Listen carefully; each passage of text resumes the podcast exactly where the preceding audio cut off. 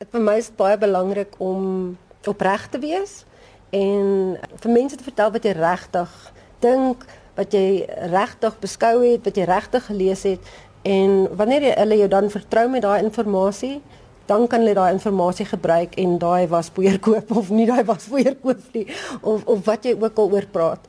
Ek dink dit is definitief vertroue. 35000 mense is baie mense.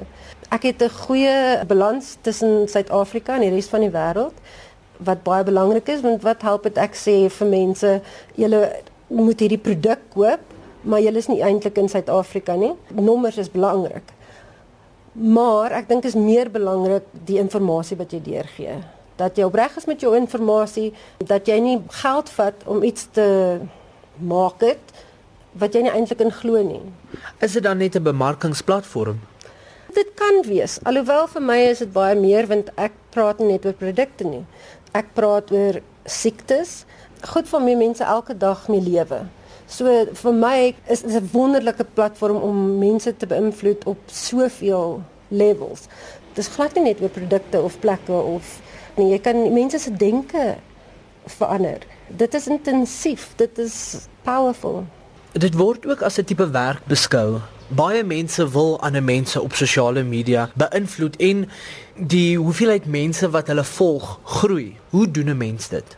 Daar's 'n paar maniere om dit te doen. Vir my is dit jy moet organiese mense kry. En dit meen ek, as jy graag net oor Johannesburg wil praat, oor goed wat daar gebeur, dan volg jy mense wat in Johannesburg is. Dit help nie jy volg mense wat in Bloemfontein is nie as jy graag net in Johannesburg wil werk nie.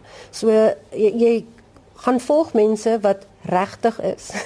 Want daar's baie mense op Twitter of Facebook of wat nie eens bestaan nie. Dit is net 'n profiel wat daar sit.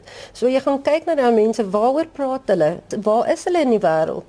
Hou jy van die goed wat hulle sê? Want baie keer word jy wel geken deur jou vriende. en ek kan nie sê 35000 mense is my vriende nie, maar ek kan sê ek het 35000 mense wat luister of hoor wat ek sê of hulle altyd dit volg natuurlik nie. Kyk jy gewoonlik na die tendense wat in die samelewing voorkom wanneer jy dalk 'n tweet gaan skryf sodat mense wel daarop reageer of skryf jy net organiese materiaal van wat in jou lewe gebeur en hoop dat mense daarop reageer? Party tweets wat jy skryf, skryf jy regtig net omdat jy met iemand gesels. Dit gebeur net, dit is nie geforseer nie. Niemand betaal jou om dit te doen nie. Jy gesels maar net met mense. Ek kan sê hierdie program was goed. Ek het dit so geniet en dit is dis jy wat net praat met mense. En mense reageer daarop want ons is almal mense. Verhoudinge is so belangrik. En dit vorm 'n verhouding tussen jou en daai een persoon. Daai persoon mag jy dalk nooit ontmoet nie, maar jy het nou 'n verhouding met daai mens. Dan sal ander tweets wat jy uitstuur wat jy wil hê presies op 'n sekere mark moet val. Ja. Want jy wil hierdie mark influence. En dit is daai tipe bemarkingsgedrewe inhoud. Absoluut. Alhoewel dit kan wees goed waarvoor jy betaal word. Party mense sal enigiets vat net verkoop. Jy vandag verkoop hulle hierdie ding, môre verkoop hulle daai ding. En dis waar die vertroue inkom.